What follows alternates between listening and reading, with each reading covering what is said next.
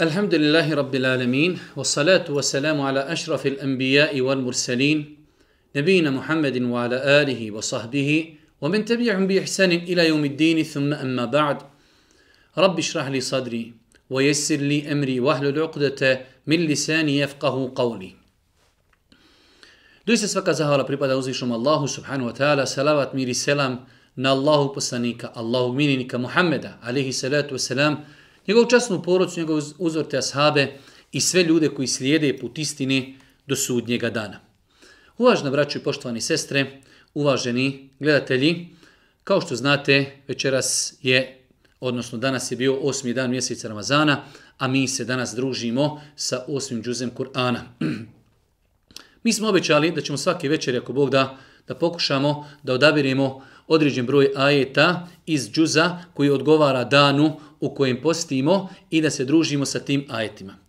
E, moram spomenuti nekoliko e, napomena. Prva stvar jeste da cilj ovakvih predavanja jeste pokušaj, samo zaista pokušaj, da otvorimo oči ljudima, da ljudima e, pokažemo kako i na koji način da se druže sa Kur'anom, odnosno šta to sve u Kur'anu ima, kakve riznice mi imamo na policama, na policama svojih kuća, a da i nismo svjesni nešto što je potrebno našoj duši, našom, našim srcu i tako dalje. Pa je ovo samo pokušaj da se Kur'an približi ljudima našeg podneblja. Ja doista imam jedan, hajde da kažemo, velik problem i izazov u jednom džuzu, evo, pretpostavimo da na jednoj stranici ima 10 ajeta, ako imamo 20 stranica, onda je to 200 ajeta, 150, 200 ajeta ili 250 ajeta. Ja iz tih 200 ajeta moram izabrati i probrati 10, 15, samo 20 koji ćemo mi, ako Bog da, te, tretirati. Pa je znači predamnom jedan veliki izazov kada je u pitanju odabir tih ajeta, jednostavno nekada budem u situaciji da ne znam više koji bi ajet uzeo, jer koji god da uzme, onaj drugi ostaje koji možda bitni i potrebni i tako dalje. U svakom slučaju ovo je poziv svima nama da pogotovo u mjesecu evo Ramazanu se družimo sa Kur'anom, lagano iščitavajući Kur'an, e, iščitavajući ga na način da se svaki ajet obraća nama, da razmišljamo o njegovim poukama, o njegovim porukama, da se zaustavimo, da razmislimo, da odgajamo time sebe, svoju dušu, svoje postupke i tako dalje. Prije nego počnemo govoriti e, i komentarisati ajete i suri El-En'am u osmom džuzu, e, želim da napomenim da svi vi koji želite da učestvujete u nagradnoj igri, rekli smo da e, svake večeri imamo mogućnost da ostavimo komentar na video. Nakon toga će ako Bog da polovinom Ramazana biti izvlačenje nagrada. U svakom predavanju ćemo izvući jednu nagradu, komplet knjiga koji nam je poklonula uh, e, udruženje Alternativa sa Iliđe. Oni su štampali određen broj knjiga pa su napravili komplete knjiga i za svaku noć ćemo ako Bog da imati jedan komplet knjiga. Rekli smo da se ovo prvenstveno odnosi na ljude unutar Bosne, a ako bi neko i dobio nagradu izvan Bosne, onda treba pokušati da nađe nekoga kod koga će to ostaviti da njemu naknadno pošalje, a ako ne mogne, onda će nagrada e, znači prijeći na drugu ili treću osobu koja je izučena u tom predavanju. Mi se još, braću moja draga i cijene sestre, nakon što smo u sedmom džuzu e, komentarisali određene ajeti sure El Maide, ušli smo u suru El En'am, stoka, e, Pa se evo večeras družimo ako Bog da sa određenim probranim ajetima iz sure El En'am. U 121. i 122. ajetu uzvišnji Allah s.w.t. E, tretira određena pitanja koja su nam i kako bitna, a radi se o tome e, koje meso je muslimanima dozvoljeno konzumirati. Hvala Allahu Đelšanu, evo možemo slobodno konstatirati da nakon rata i te kako je narod više upoznat sa nekim terminom, a to je halal meso. Nešto što je na ispravan način zaklano. E, islam je potpun, islam je savršen i rekli smo da ne postoji pitanje E, s kojim se čovjek susreće u toku svoga života, a da Islam nije jasno odgovorio i dao odgovor na to pitanje. Jedno pitanje koje i te kako svakodnevno, naročito u vremenu u kojem mi živimo danas, gdje se znači postoje velike mesne industrije, e, jeste klanje životinja, kako i na koji način zaklati životinju da bi njeno meso bilo halal i dopušteno da se jede. Pa da čujemo, kaže uzviši Allah subhanahu wa ta'ala u suri uh, El-En'am 121. i 122. ajet وَلَا تَأْكُلُوا مِمَّا لَمْ يُذْكَرِ اسْمُ اللَّهِ عَلَيْهِ فَإِنَّهُ فِسْقٌ I ne jedite ono pri čijem klanju nije spominuto Allahovo ime, to je u istinu grijeh. A šeitan navodi štićenike svoje i on im objavljuje da se s vama raspravljaju. Pa ako biste se pokorili, ako biste im se pokorili, i vi biste sigurno mnogobošci postali.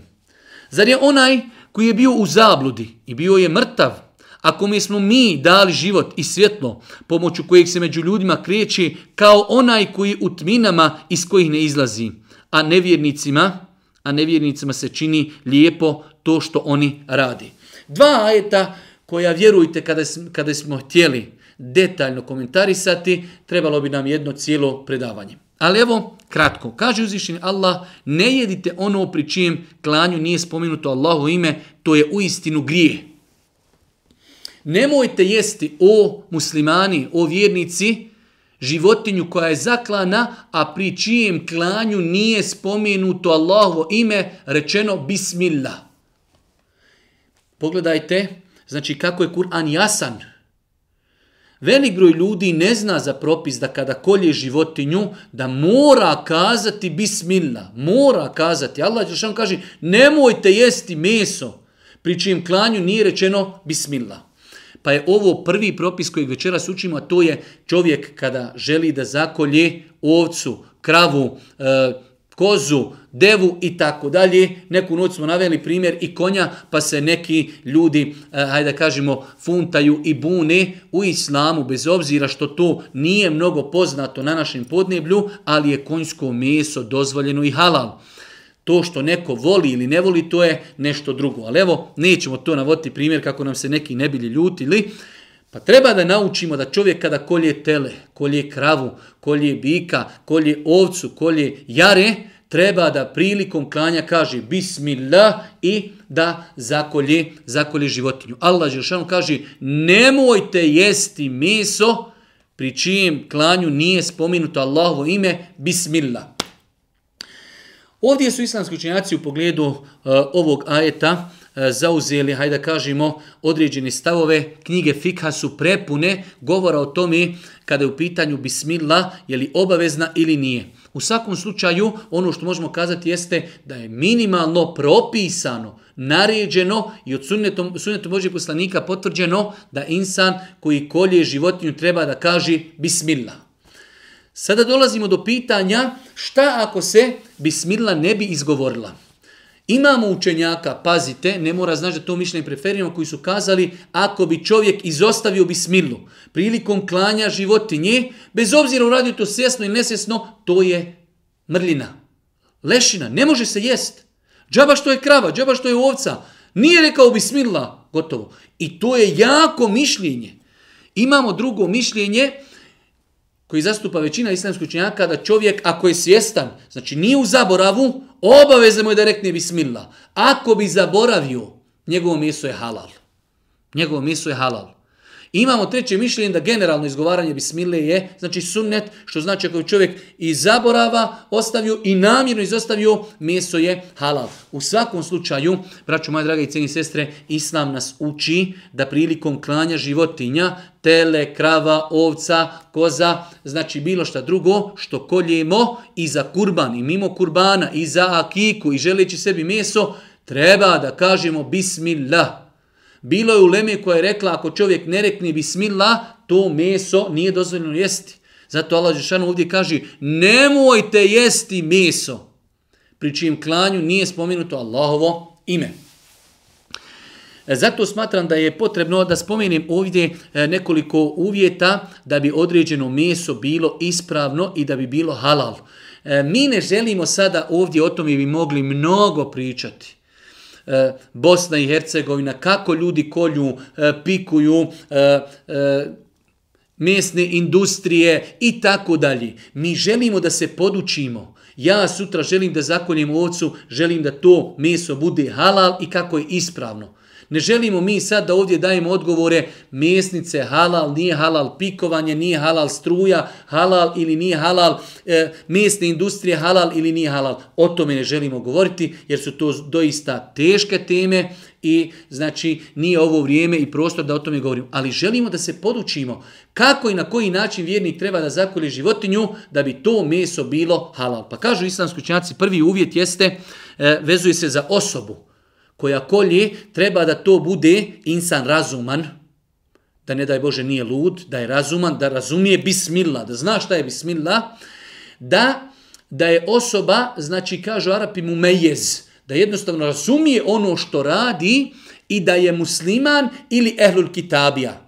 Znači, od uvjeta koji se vezuju za osobu koja kolji, treba da bude razuman, da je mu mejez, znači da je razumije ono što radi, ne mora biti punoljetan, da je musliman ili da je ehlul kitabija, to jest da je kršćanin ili židov.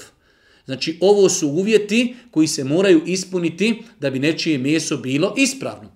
Druga stvar, drugi uvjet jeste e, vezan za, e, ajde da kažemo, nož ili predmet kojim se kolje, treba da to bude oštar predmet kako se ne bi životinja prilikom klanja mučila da to bude oštar predmet, može da bude predmet od željeza, može da bude od kamena, može da bude, znači bitno je da bude oštar kako bi se njime moglo, znači prerezati vrat i kako bi se mogla pustiti krv.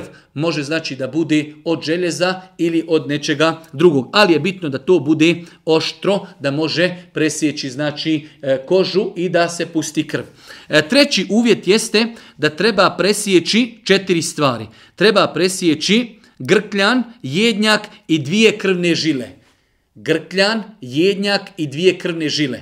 Znači čovjek koji kolje, svakako e, klanje uvijek biva, znači ispod vrata, rekli smo kolje e, osoba koja je razumna, musliman ili je ehlul kitabija, ima oštar nož, kolje ispod vrata i treba da prereži četiri, treba da prereži četiri stvari, jednjak, grkljan i dvije krvne žile.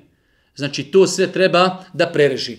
Ako jedna od ove četiri stvari, kao što je mezevi mama Ebu Hanife, Ibn Tejmije, ako jedna od četiri stvari ne bi bila prevezana, inša Allah, inša Allah, biznila, meso je halal. Ali je ispravno da treba znači se truditi da čovjek prereže ove sve četiri stvari. Imamo, uh, imamo danas jednu teoriju, a to je da životinje ne treba klati, da je to mučenje i da je bolje da se pikuju ili da se strujom ubijaju i tako dalje. Allahova mudrost je da je Allah poslanik ali se letu selam ovako naredio da se kolju životinje, a opet s aspekta naučnog to je znači najjednostavnije i životinja se najmanje pati. S druge strane, životinja kada se e, na ovakav način zakolji, ostaje kroz moždinu, znači kroz, e, kroz kičmu, ostaje komunikacija između mozga i srca. Pa mozak traži informaciju od srca da mu šalje krv, ali je vrat prerezan i znači krv izlazi napolje, a mozak non stop šalje informaciju e, srcu da šalje krv, jer mu nedostaje krvi. Tako da na taj način iz mesa iziđe sva krv jer je prerezan vrat onako kako smo pojasnili. Pa i sa medicinske strane, a ilhamdulillah sa islamske strane, tako da e, insan treba da se potrudi da na lijep način zakolje životinju, da bude oštar nož, da životinja ne vidi nož, da ne oštri nož pred životinjom, ali svakako najbolji i najjednostavniji način eh, e, klanja životinje jeste ovako kako smo pojasnili, da se prereže grkljan, jednjak i dvije e, žile koje vode, znači, e, krv, krvne žile. Pa su ovo, braću moja draga i cijene sestre, e, E, uvjeti da bi neko meso bilo halal, svakako ostaje da životinja koja se kolje mora da bude halal. Jer ne može se svinja zaklati. Svinju kada bi zaklali i nožem i musliman i neuzubila bismilletom, ona je haram. Pa znači da bi e, određeno meso bilo halal, treba da to bude osoba sa uvjetima, da to bude e, urađeno sa predmetom, treba da se izgovori bismilla i treba da se prerežu ove četiri stvari koje smo spomenuli i da životinja koja se kolje kolje je dozvoljeno. Da to bude krava, da to bude ovca, da to bude tele i tako dalje. Ovo je, braću moje drage i cijeni sestre, nešto kratko rezimirano, a ovim pitanjima doista, doista bi se mnogo toga moglo kazati. Znači, veoma je bitno, svu ovu priču smo ispričali zbog spominjanja bismille. Prilikom klanja čovjek će kazati bismillah, može dodati i kazati bismillah Allahu ekber i prerezati, znači grkljan, jednjak i prerezati, prerezati dvije krvne žile. Ovo je e, znači način kako islam preporučuje i naređuje da se životinje kolju.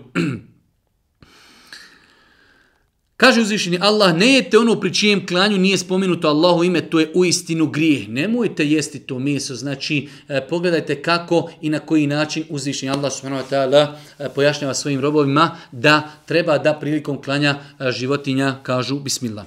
A šeitan navodi štićenike svoje i čak je došao termin šetan svojim štićenicima objavljuje da se s vama raspravljaju, pa ako biste im se pokorili, i vi biste sigurno mnogobošci postali. Zar je onaj koji je bio u zabludi i bio je mrtav, ako mi smo mi dali život i svjetlo, pomoć kojih se među ljudima kreći, kao onaj koji je u tmini iz kojih ne izlazi, a nevjernicima se čini lijepim to što oni radi. Jedan interesantan moment, uzvišeni Allah se pita i kaže, evo men kane mejten fa ahjejnahu, وجعلنا له نورا يمشي به في الناس كمن مثله في الظلمات ليس بخارج منها يلي كاجي isti onaj insan koji je bio mrtav Allahu ekber koji je bio mrtav pa smo ga mi oživjeli Pa se islamski učenjaci u pogledu tog razilazi šta se ovdje misli, e, je li isti onaj insan koji je bio mrtav pa smo ga mi oživjeli i onaj koji je u dalaletu i zabludi, Kažu da se time misli na znanje.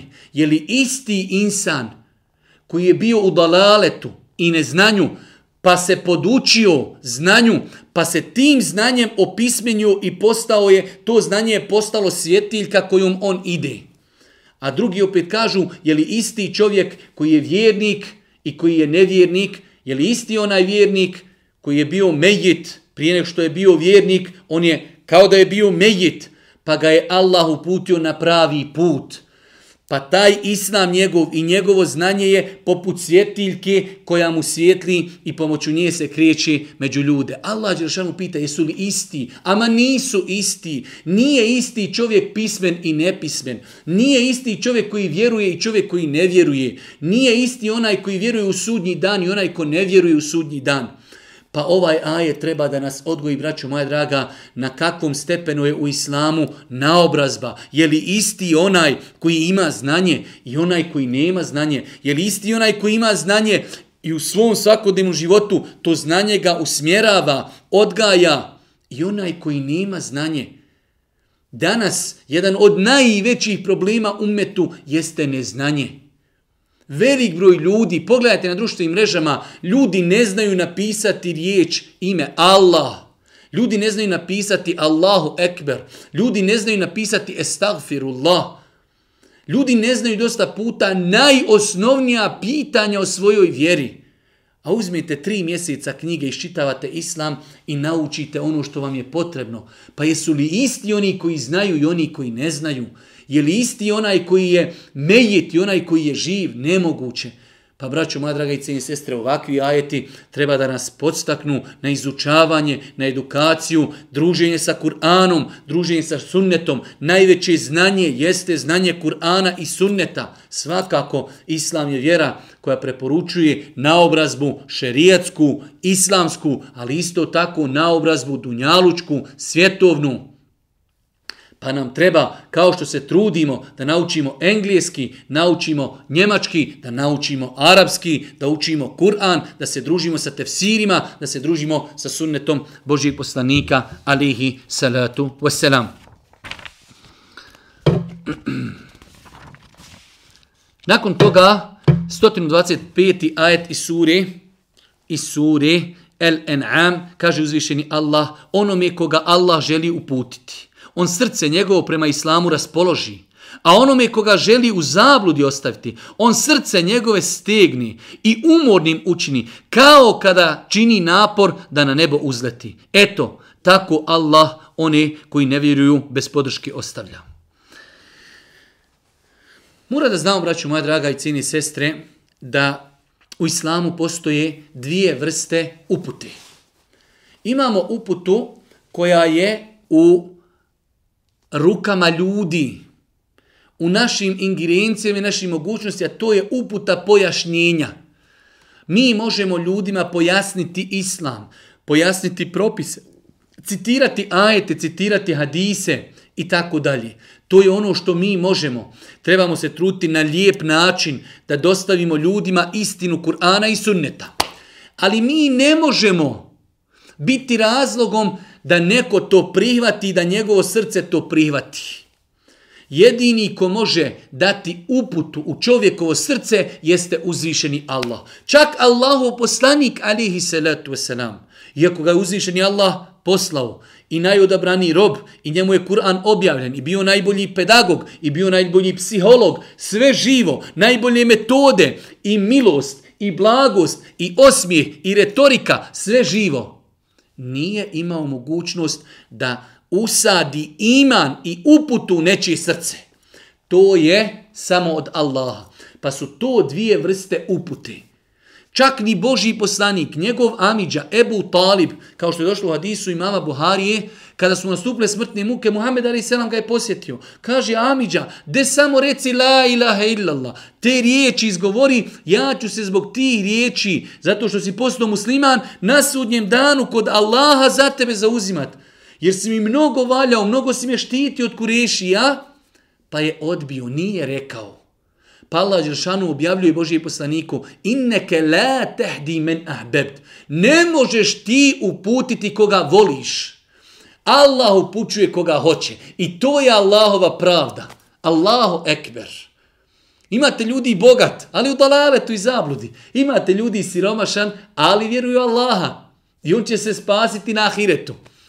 Pa uputa nije nešto što mi dijelimo mi možemo uputiti ljude pojašnjenjem, lijepim postupkom, osmijehom, pomoć, naobrazba, retorika, metode, sve mi to možemo. Ali da uđe iman u srce insana, to ne može niko sim uzvišeni Allah koji zna iskreno svoga roba. Nabavi se neko uspio prodat, pa bi došao i kao ja sam iskren, daj ljudi, treba mi uputa, evo. Ne, ne, ne. Allah zna šta je u ljudskom srcu.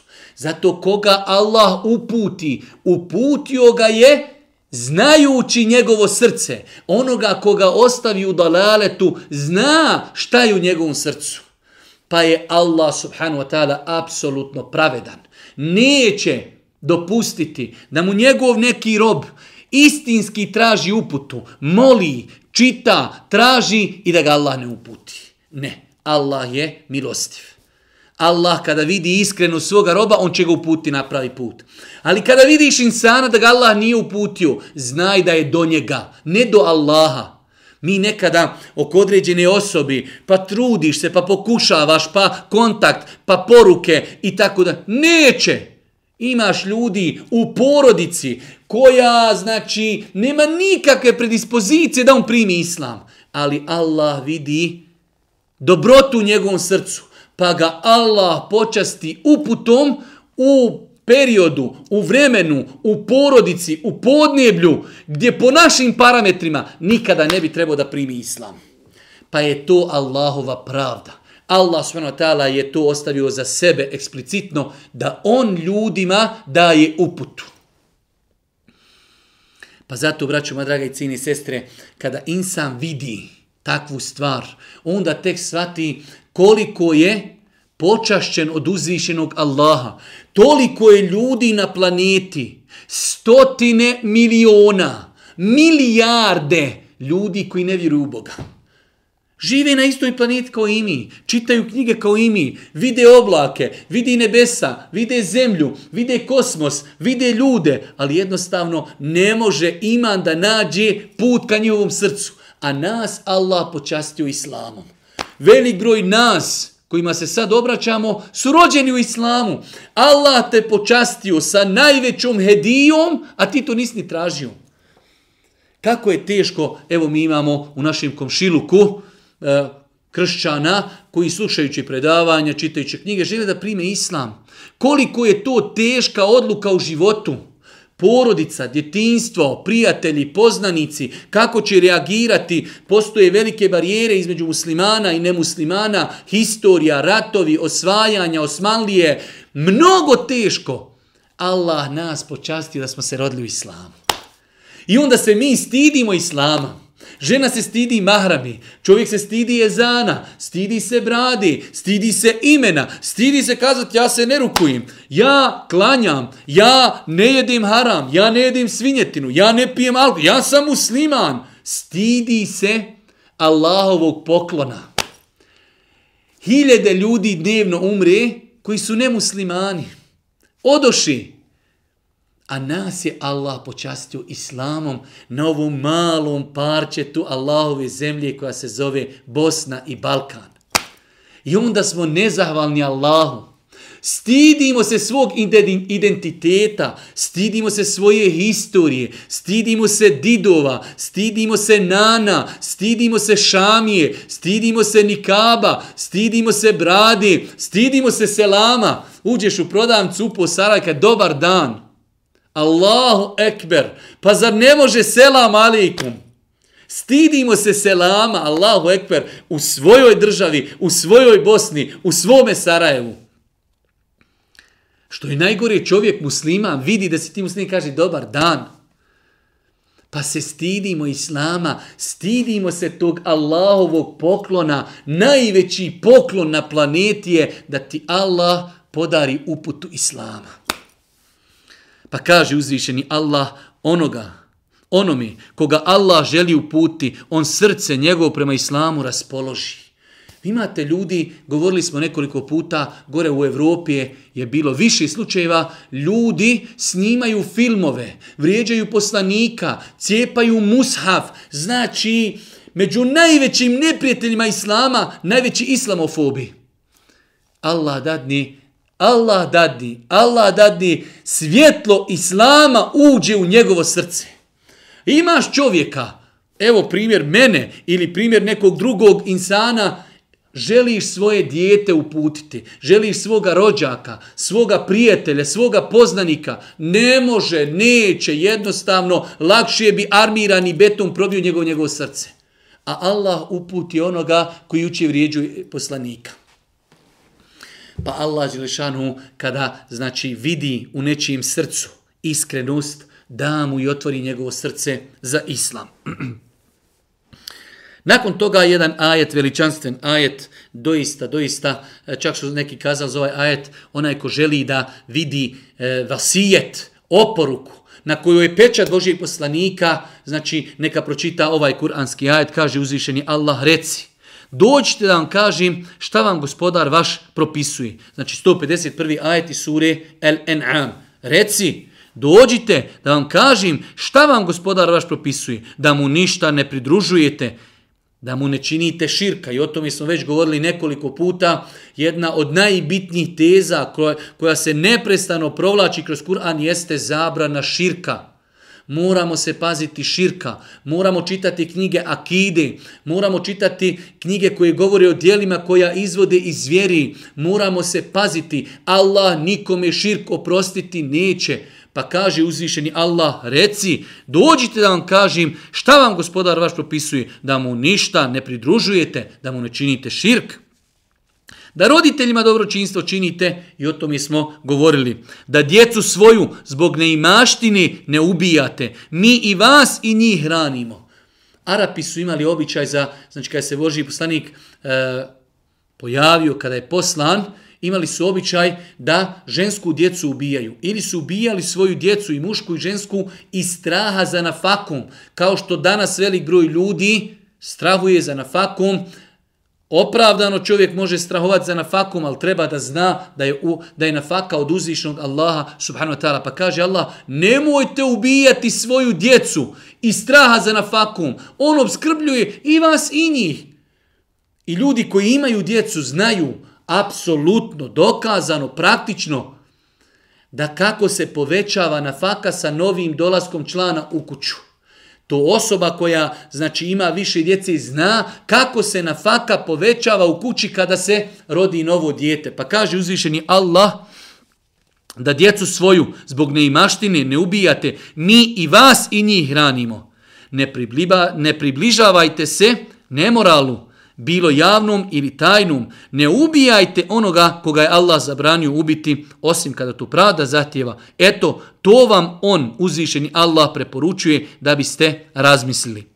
Ovaj ajet, znači vidimo u njemu dosta, dosta smjernica kod kojih treba čovjek da se zaustavi, da o njima razmišli, pa nam Allah zabranjuje širk, naređuje nam dobročinstvo svojim roditeljima, da svoju djecu ne ubijamo, bojeći se znači za nafaku, strahujući od siromaštva, jer Allah je taj koji daje nafaku, možda to dijete koje se rodi, možda će ono prestići sve ljude i svoje familije po bogatstvu, jer je nafaka znači od uzvišenog Allaha subhanu wa ta'ala. I nemojte se, kaže, približavati. Wala taqrabul fawahish. Nemojte se približavati nemoralu bilo to javno ili tajno. I ne ubijajte onoga koga je Allah zabranio ubiti osim kada to pravda zahtjeva Govorili smo neki dan koliko islam strogo, strogo zabranjuje ubijstvo, bespravno ubijstvo. Eto, to vam on preporučuje da biste razmislili.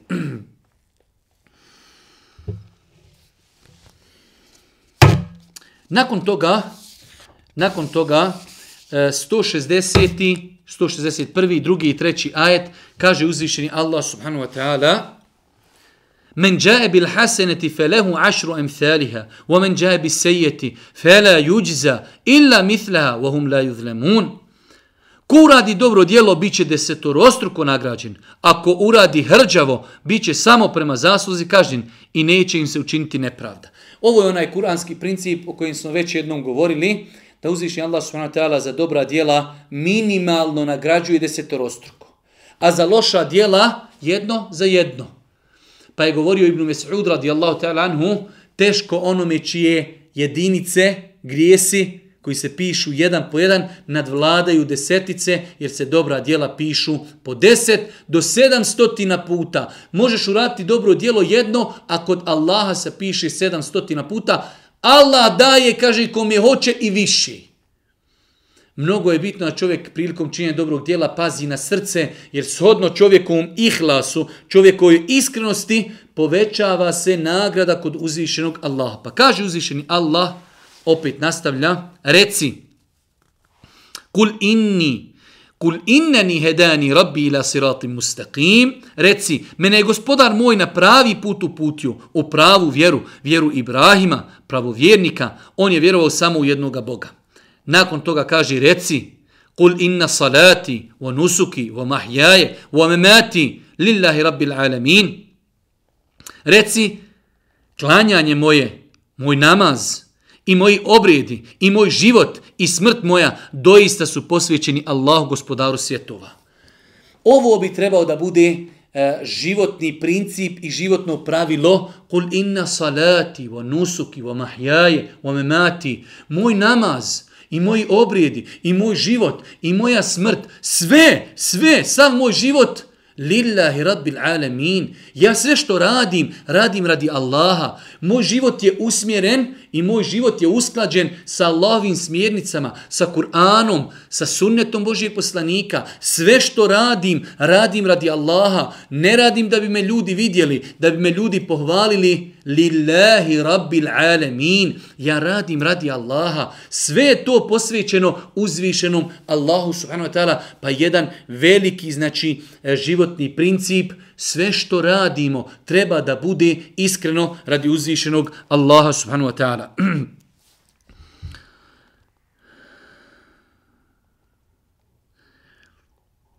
nakon toga, nakon što smo odabrali određene ajete u suri El En'am, prelazimo u sljedeću suru koja je opet sastavni dio osmog džuza, sura El A'raf. Pa evo nekoliko, nekoliko ajeta iz ove e, sure, a svakako sura El A'raf će nastaviti s nama ako Bog da i u devetom džuzu. Pa kaže uzvišnji Allah u šestom, sedmom, osmom i devetom ajetu u suri El A'raf وَلَنَسْأَلَنَّ الَّذِينَ أُرْسِلَ إِلَيْهِمْ وَلَنَسْأَلَنَّ الْمُرْسَلِينَ I sigurno ćemo pitati one kojima smo poslanike slali, a i pitat ćemo doista i poslanike. Volenes elenne, sigurno ćemo ih pitati. Braćo, moja dragi cini sestre, mi vjerujemo muslimani da čovjek živi na Dunjaluku. Pored njega imaju meleke koji sve zapisuju. Uzvišeni Allah sve vidi šta insan radi. Pa kaže uzvišeni Allah, sigurno ćemo sve ljude pitati kojima su poslani poslanici, a i same poslanike ćemo pitati. Pa insan treba da bude pametan, da bude pronicljiv, da ne dozvoli sebi da ga šetan zavede. Pa da kaže, hajde, ko je se od tuda vratio, nije to istina i tako dalje. Uzvišeni Allah je stvorio čovjeka. Stvorio ga je sa jednom velikom zadaćom. Čovjek će biti usmrčen. Nakon toga čovjek će biti iz kabura proživljen. Nakon toga čovjek će račune polagati za svoja dobra i loša djela koja je činio. Shodno tome čovjek će biti nagrađen džennetom ili će biti kažnjen džehennemom. Džehennemska kazna je i džehennemska vatra je 70 puta teža i jača i žešća od dunjalučke vatri. A sahabi kada su čuli ovaj hadis pa kažu ja Rasulallah i dunjalučka bi bila dovoljna. 70 puta. Allah poslani kaže u vjerodostojnom hadisu, kada se na sudnjem danu dovede čovjek koji je bio najbogatiji na Dunjaluku, ali nije vjerovao, nije bio pokuran, zaslužio je džehennem, a čitav život uživao, rodio se milijarder i umro milijarder. Pa će ga samo uvesti u džehennem i izvesti. Samo će ga zamočiti i izvaditi. Toliku će bol osjetiti samo za jedan moment, za jedan sekund, da će sva ona dunjalučka uživanja zaboraviti.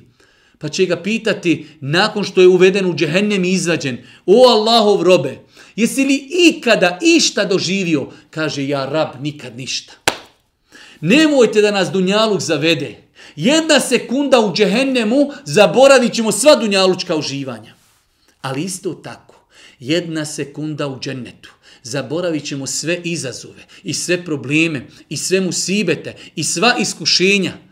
Kaže Allah poslanik u nastavku tog hadisa, a dovešće se čovjek koji imao najviše iskušenja na Dunjaluku. Ali je bio pokoran, bio je strpljiv, vjerovao u Allaha, pokoravao se, zaradio džennet. Pa će ga samo uvesti u džennet i izvesti. Ništa više. Pa će ga pitati, o Allahov robe, ti si bio na Dunjaluku, imao si izazov, imao si iskušenja. Kaže, sve sam to zaboravio zbog jedne sekunde u džennetu. Pa, braću moja draga i cijene sestre, u ovim teškim momentima, mi even, apsolutno možemo e, odgovorno trti da živimo pred kraj Dunjaluka. Sudnji dan nije daleko. Planeta je se sva izopačila. Čovjek treba da se u ovim momentima strpi. Ovo je životni maraton. Mi smo pred, pred ciljem. Sve će ovo biti, sve će ovo proći, ali čovjek treba da se strpi. Kada uđemo u džennet, zaboravit ćemo na sve ove izazove, na sva iskušenja, na sve bolesti, na sve nepravde. Pa insan treba znači da bude pametan, da bude pronicljiv, da ne dopusti šetanu da ga zavede, da proda vječni ahiret za prolazni dunjal. Kaže uzvišeni Allah subhanahu wa ta'ala i sigurno ćemo pitati one koji smo kojima smo poslanike slali, a pitaćemo doista i poslanike. Pogledajte pravde Allahovi subhanahu wa ta'ala. Pitaće sve nas, ali će pitati i poslanike. Šta ste radili? Jeste li dostavili ono što vam je uzvišeni Allah naredio da dostavite svojim, svojim e, narodima i ljudima kojima ste poslani? Kaže uzvišeni Allah, فَلَنَكُسَّنَّ عَلَيْهِمْ بِعِلْمٍ وَمَا كُنَّا غَائِبِينَ I izložit ćemo im pouzdano sve što o njima znamo, jer mi nismo odsutni bili. Nemojte da se poigravamo. Pored svakog insana postoji meleki koji zapisuju njegova dobra i loša djela. Kaže Allah poslanik, doće se na sudnji dan, pa će čovjeku biti pokazano 99 životnih registara u kojima su zapisivane njegova dobra i loša djela. dužina jednog registra je dužina pogleda. Sve je zapisano, sve što radimo, sve što smo uradili, Allah Đeršanu kaže u Kur'anu, oni su to zaboravili. Ahsahu Allahu, one su. Allah je to prebrojao, Allah je to zapisao, to je zabilježeno. Mi to zaboravimo. Nekad uradiš dobro djelo pa ga zaboradiš. Uradiš grijeh, zaboraviš. Zapamti. Na sudnjem danu, za svaki grijeh, za svaku sekundu, za svaki postupak odgovarat ćemo. U danu koji tradi 50.000 godina, O tome ćemo poslije govoriti. Fi jeumin kane miqdaruhum hamsine elfe sene. U danu koji traje 50.000 godina polagat ćemo račune. Bićemo proživljeni. Nemojte dozvoliti, nemojte dozvoliti da nas Dunjaluk kvadljivi zavede. Živimo u vremenu kada su ljudi zinuli na Dunjaluk. Nemojte dozvoliti, Allah vas nagradio, da prodamo svoj vječni ahiret uživanja i džennete i bašte i rijeke i uživanja, pogledu Allaha, druženje sa poslanicima zbog dunjalučkih čefova i zbog dunjalučkih harama. Pa kaže uzvišeni Allah i izložit ćemo im pouzdano sve što o njima znamo jer mi nismo odsutni bili. El veznu jaume idinil haqqo Mjerenje toga dana bit će pravedno. Oni čija dobra djela prevagnu, oni će šta želi postići. A oni čija dobra djela budu lahka, oni će zato što dokaze naše nisu priznavali stradati. Tog dana, kaže uzvišeni Allah, wal waznu jevme idinil haqqo, vezn, vaganje, tog dana će biti apsolutno pravedno. Ko uradi trun dobra, vidjet će ga. Ko uradi trun zla, vidjet će ga. Pa Allah Đelšanu kaže, čija dobra dijela nadvladaju loša, on je se spasio. Čija loša dijela nadvladaju dobra, ta je propao. I to je problem nas kad kaže čovjek, ja vjerujem, ali ništa ne radi. Na koliko mjesta u Kur'anu Allah Đelšanu kaže, amenu, wa amilu salihat, rad, vjeruju i rad je dobra dijela. Čemu se nada insan? koji ima muslimansko ime, ne zna komu je gospodar, ne zna ništa o poslaniku, ne klanja namaz, ne posti mjesec Ramazan, čime, čime da zaradimo taj džennet? Pa insan treba da bude svjestan činjenici. Bićemo proživljeni. Naša djela će se vagati preciznim terezijama i vagama. Ne zna insan koje je dobro djelo može prevagnuti vagu pa da zbog tog dobro djela uđe u džennet. Zato koriste svaku priliku da uradite dobro djelo. Poslanik Ali Selam kaže, pola datulje dajte, čuvajte se vatri sa pola datulje, lijepa riječ, osmijeh, bilo koje dobro djelo. Nemojte, kaže, pocenjivati dobro djelo, makar da sretneš brata ozarenog lica. Lijepa riječ u islamu. Suzdržati se od zla. Danas imamo internet, imamo društvene mreže sudrž, suzdržati se od zla i to je sadaka u islamu. Insan ne zna koje je dobro djelo ga može uvesti u džennet, ali isto tako. Insan ne zna koji grije ga može odvesti u džehennem. Čuvajmo svoj jezik, čuvajmo svoje oči, pazimo šta govorimo, pazimo šta radimo, pazimo šta pričamo. Jer će doći dan kada ćemo polagati račune. Kaže uzvišnji Allah subhanahu wa ta'ala u suri Al-A'raf 31. ajet Ja beni Ademe Hudhu zinetekum inda kulli mesjid wa kulu vašrabu wa la tusrifu innehu la yuhibbu musrifin O sinovi Ademovi, lijepo se obuste kada hoćete molitvu obaviti. I jedite i pijte, samo ne pretjerujte. On ne voli uzvišeni Allah, oni koji rasipaju i koji pretjeruju. Jedan kuranski ajet koji tretira nekoliko pitanja. Prvo pitanje, o sinovi Ademovi, u ovom ajetu uzvišeni Allah kao da nas prisjeća, o sinovi Adomi, Ademovi, svi ste vi, svi ste vi, svi mi smo Ademovi sinovi. Nima razgleda se sad neko nad nekim uzdiži moja familija, moja loza, moji predaci. Bez obzira naši predaci, svi se vraćaju do Adema, alaih salatu selam. Ja, beni Ademe, o Ademovi potomci, svi ste vi Ademovi potomci. Nema razloga da se neko uzdiži nad nekim zbog prezimena, zbog bogatstva. Inne ekramekum inda Allahi etkakum. Kod Allaha su najbolji i najugledniji oni koji ga se boje najviše. O sinovi Adomi, kada krenete u džamiju, najljepšu odjeću obucite. Pa je propisano vjernicima kada idu u džamiju da se lijepo obuku, jer idu da staju, da go razgovaraju, da klanjaju, da moli svoga gospodara Allaha subhanahu wa ta'ala. Pa je propisano da insan kada ide u džamiju da se obuče najljepše što ima. Kaže uzvišeni Allah, وَكُلُوا وَشْرَبُوا وَلَا تُسْرِفُوا I jedite i pite, Samo nemojte rasipati, nemojte pretjerivati. Allah ne voli one koji rasipaju i one koji pretjeruju. Pa insan vjernik treba u svemu da bude umjeren. I jelo, i piće, sve da tu ima svoje neke granice. Da ne baca hranu, da ne pretjeruje. Možemo vidjeti po svijetu koliko se dnevno hrani i baca. Zaboravili smo dane rata kada nismo imali hljeba. Pa insan treba da zna da su to sve Allahove blagodati.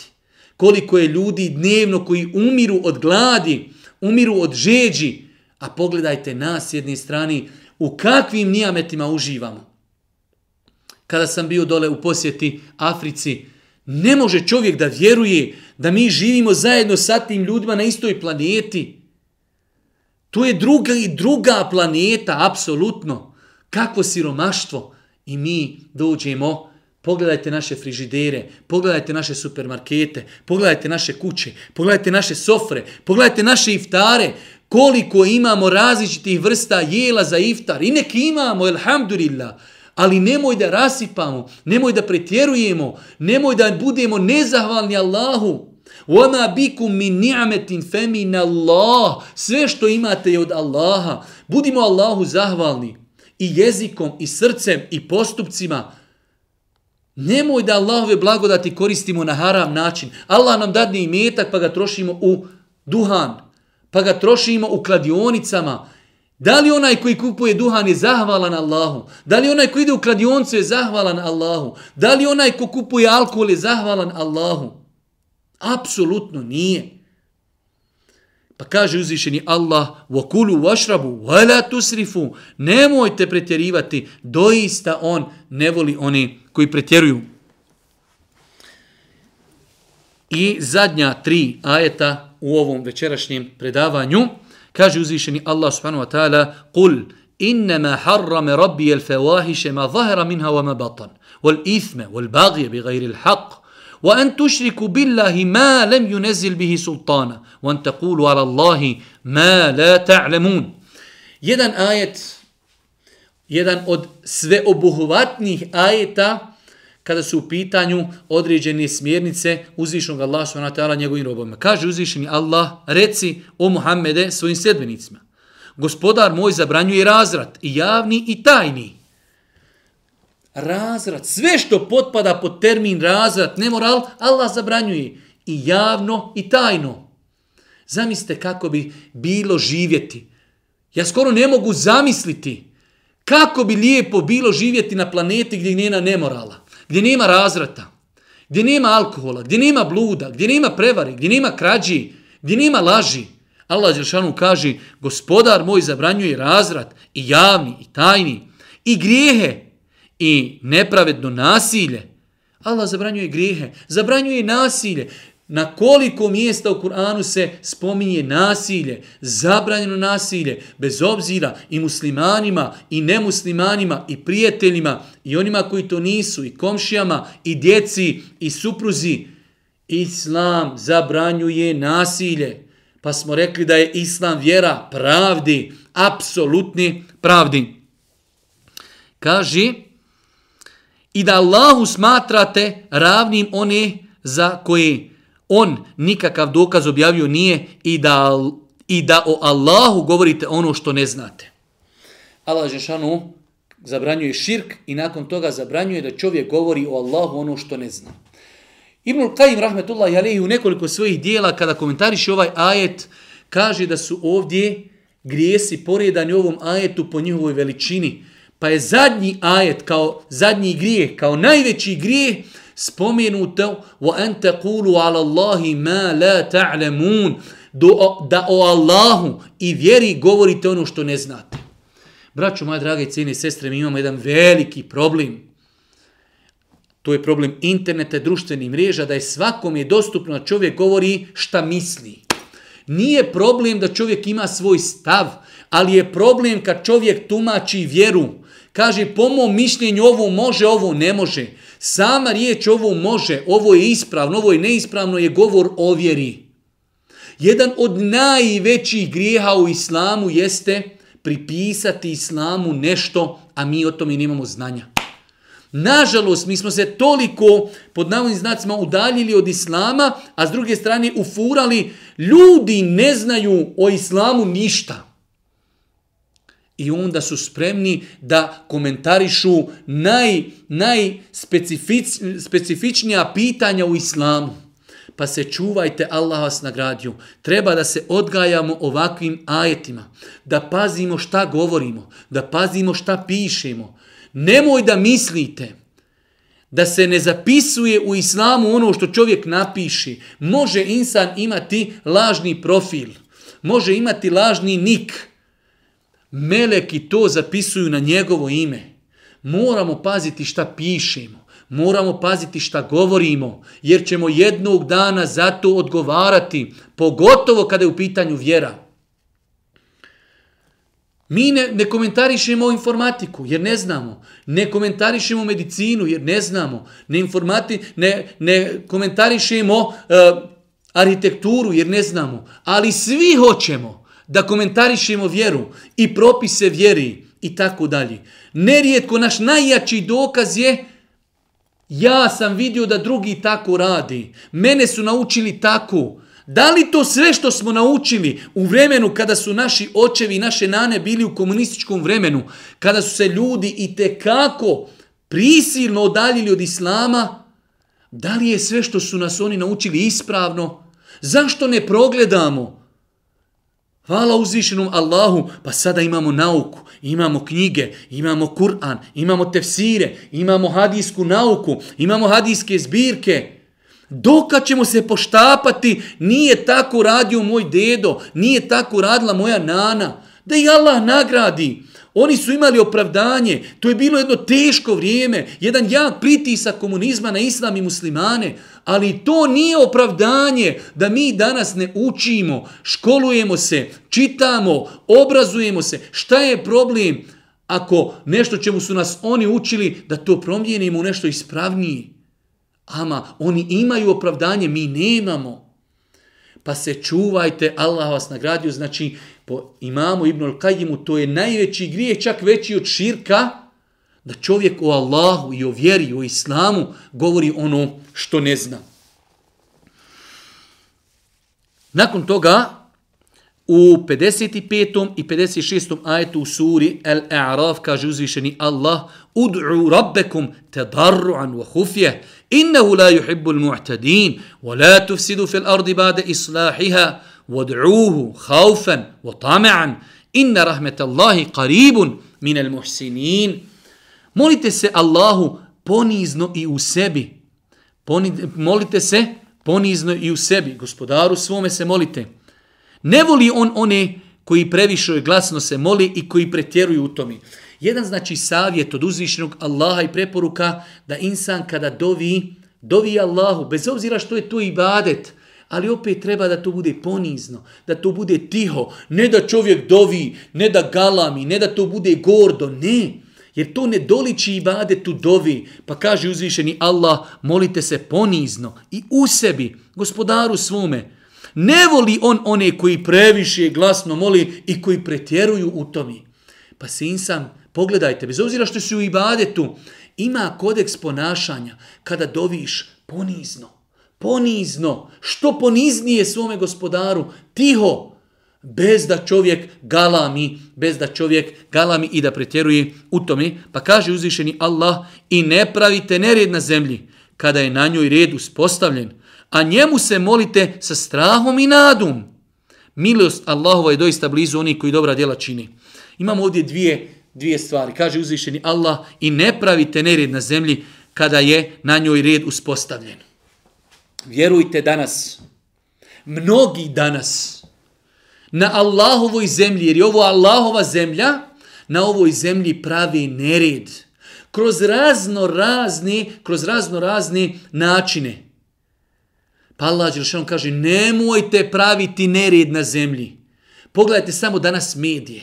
Pogledajte samo danas bankarski sistem. Pogledajte samo nemoral. Pogledajte štampu. Pogledajte ratove. I svi nešto kažu, svi mi nešto popravljamo, svi mi nešto korisno radimo. Nemojte nered na Allahovoj zemlji činiti nakon što je na njoj red uspostavljen. Pa kaže uzvišeni Allah, a njemu se molite sa strahom i sa nadom. To je ono što mi non stop govorimo. Molimo se Allahu, nadamo se, a strahujemo. Pa kaže uzvišeni Allah, milost Allahova je doista blizu oni koji su dobročinitelji, koje dobra djela čini. Allahova milost je blizu oni koji su dobročinitelji. Ovo je jedan ajet koji nas podstiče da činimo drugim ljudima dobročinstvo. Hajru nasi enfe'uhum lin nasi doista su najbolji ljudi, oni ljudi od kojih ljudi imaju najviše koristi. Inne rahmete Allahi qaribun minel muhsinin. Doista je Allahova milost blizu oni koji ljudima čine dobra djela. Pa insan treba da se e, natječe, da se trudi, da bude od onih ljudi kojima će ljudima biti na usluzi i činiti dobra djela. I na kraju posljednja skupina ajeta u suri El-A'raf u ovom osmom džuzu jesu ajeti koji govori o lutu alihi salatu wasalam.